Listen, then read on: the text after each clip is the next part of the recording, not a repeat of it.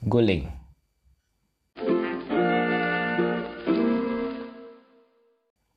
Di rumah siapa sih yang nggak punya yang namanya bantal guling atau guling? Dari yang ekonominya rendah, standar, menengah, dan kaya, itu rata-rata pasti ada guling di rumahnya. Nah, tahu tahu nggak kalau bantal guling atau guling itu katanya hanya terdapat di Indonesia. Nah, yang mana sebenarnya nggak juga ya. Ada juga sih di negara lain.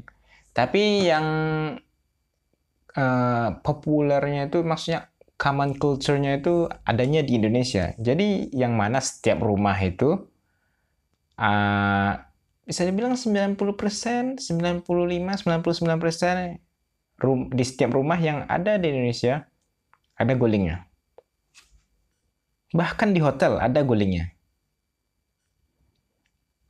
Dari mana sih awalnya guling ini sehingga uh, banyak klaim bahwa hanya Indonesia yang memiliki guling gitu. Nah, awalnya bantal guling atau guling dibuat para orang Belanda yang berfungsi untuk menggantikan istri mereka yang tidak bisa dipeluk pada saat mereka tidur. Saat itu banyak orang Belanda yang datang ke Indonesia menjajah kita tentu saja tidak membawa istrinya karena ini adalah peperangan. Jadi ya mereka datang ke Indonesia dengan niat menjajah, dah, menjajah kita dan tidak membawa istrinya dong, tidak membawa pasangannya, ditinggal di kampung halaman. Sehingga untuk memenuhi keinginannya, banyak dari mereka para laki-laki Belanda ini memiliki gundik atau menyewa PSK. Nah, namun karena nggak semuanya kaya ya ada juga orang-orang beberapa yang pelit dan tidak memiliki uang. Dan ada juga yang mikir kan kayaknya kebutuhannya cuma eh, melu aja gitu ya. Kalau saya PSK pastilah main gitu kan masa enggak papap kiu gitu. Udah disewa gitu kan masa enggak gitu kan? Masa disewa cuma buat dipeluk? Kalau kayak gitu mah buang-buang duit namanya. Akhirnya ya terciptalah yang namanya guling. Atau biasanya uh, ketika masa itu disebut uh, Dutch wife, yang artinya istri Belanda yang yang mana ha, pada saat itu hanya dimiliki oleh kalangan-kalangan orang Belanda pada masa itu, makanya disebut Dutch wife. Nah, kemudian silih berganti ketika muncul Inggris dan kemudian uh, menggantikan Belanda atau yang mana ya sama juga lah menjajah gitu kan. Ketika Inggris menduduki Hindia Belanda, mereka pun mulai mengikuti kebiasaan tersebut, yaitu tidur dengan menggunakan guling. Setelahnya bantal guling mulai tersebar mulai tersebar di Hindia sampai sekarang. Atau yang kita sebut Indonesia. Nah, munculnya bantal guling merupakan salah satu perpaduan dari kebudayaan Eropa, Indonesia, dan juga Cina, klaimnya ya. Klaimnya ya.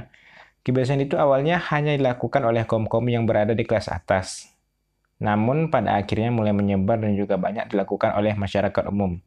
Karena yang kesepian bukan hanya kelas atas, kelas bawah juga banyak yang jomblo. Orang-orang atas mah uh, katanya kan di, nggak bawa istri, nggak uh, tinggal sendiri. Ini orang kelas bawah nggak punya istri. Gimana coba? Nggak ada kawan, emang drill nggak ada gitu. LDR mendekat jauh nggak ada, emang nggak ada. Makanya orang-orang eh, kelas bawah yang jomblo itu yang jomblo itu juga perlu nah yang namanya guling. Nah, presiden pertama kita yakni uh, Soekarno sangat membanggakan kehadiran bantal guling sebagai salah satu identitas bangsa. Dari bentuk guling yang memanjang sebenarnya berasal dari guling yang sudah ada di, di Asia Timur. Namun guling pada waktu itu strukturnya keras karena terbentuk dari rotan. Kalau dari uh, kalau di kita kan uh, yang kita kenal sekarang terbuatnya dari kapas atau kapuk gitu kan atau dari bulu angsa yang mahalnya. Nah, kalau yang dari rotan itu dia kayak eh, jaring-jaring uh, melingkar pasti melingkar panjang jaring-jaring, kemudian tengahnya bolong gitu. Udah gitu aja. Nggak ada isi, tetap ringan gitu kan. Bulat, panjang, yang penting bisa dipeluk. Uh. Nah, bahkan sampai zaman sekarang keberadaan guling ini cukup menarik perhatian bagi orang-orang yang baru datang ke Indonesia. Salah satunya ada sejarawan dari Amerika Serikat yang bernama Abot yang datang ke Indonesia. Ketika dia datang dan akan menginap di salah satu rumah uh, Belanda, dia menemukan guling di atas ranjang. Tulisannya berjudul A Jaun in Java. Uh, dalam bukunya ya, judulnya Jaun in Java tahun rilis 1857. Itu berarti sebelum kemerdekaan. Dia mengatakan bahwa dengan adanya guling di bawah kaki dan tangan mencegah kontak terlalu hangat di atas di, hangat di kasur. Selain itu, kenyamanan iklim tropis sangat cocok dengan adanya guling. Satu guling yang diisi dengan kapas lebih baik dibanding guling yang lain. Ada lagi seorang Jerman bernama Karnay juga merasa kebingungan ketika berada di Jawa dengan adanya guling. Seorang pelayan kemudian memberitahu untuk menggunakan guling adalah dengan meletakkannya di antara kaki agar keduanya tidak bersatu karena uh, orang Indonesia biasa ya uh, tidur nggak pakai selimut akhirnya kalau telentang aneh rasanya kebiasaannya ya tidurnya nyerong eh menghadap kiri atau kanan gitu jadi ketika kedua kaki bersatu aneh gitu kayak ada yang kurang gitu rasanya Nah, bahkan Karnai pun tinggal lebih lama di Indonesia dan ketika kembali ke Jerman dia tetap menggunakan guling. Entahlah itu dia beli atau bawa dari hotel. nah, istilah guling kan uh, biasanya dijadikan uh, disebut juga sebagai istilah teman tidur gitu kan. Nah, seiring dengan perkembangan zaman dan meluasnya para wibu, sekarang malah ada yang namanya daki makura. Yang mana itu kayak uh, kayak bantal bantal kepala tapi panjang. Kenapa uh, bentuknya kayak itu biar bisa muat gambar waifunya di dalam bantal itu.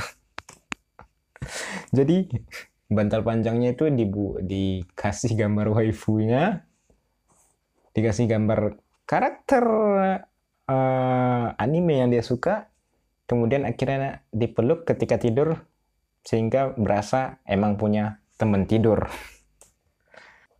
Buat Anda-Anda yang pernah punya daki mekura, bangun, sadar hei, dia tidak nyata. Jangan terlalu nafsuan. Bangun.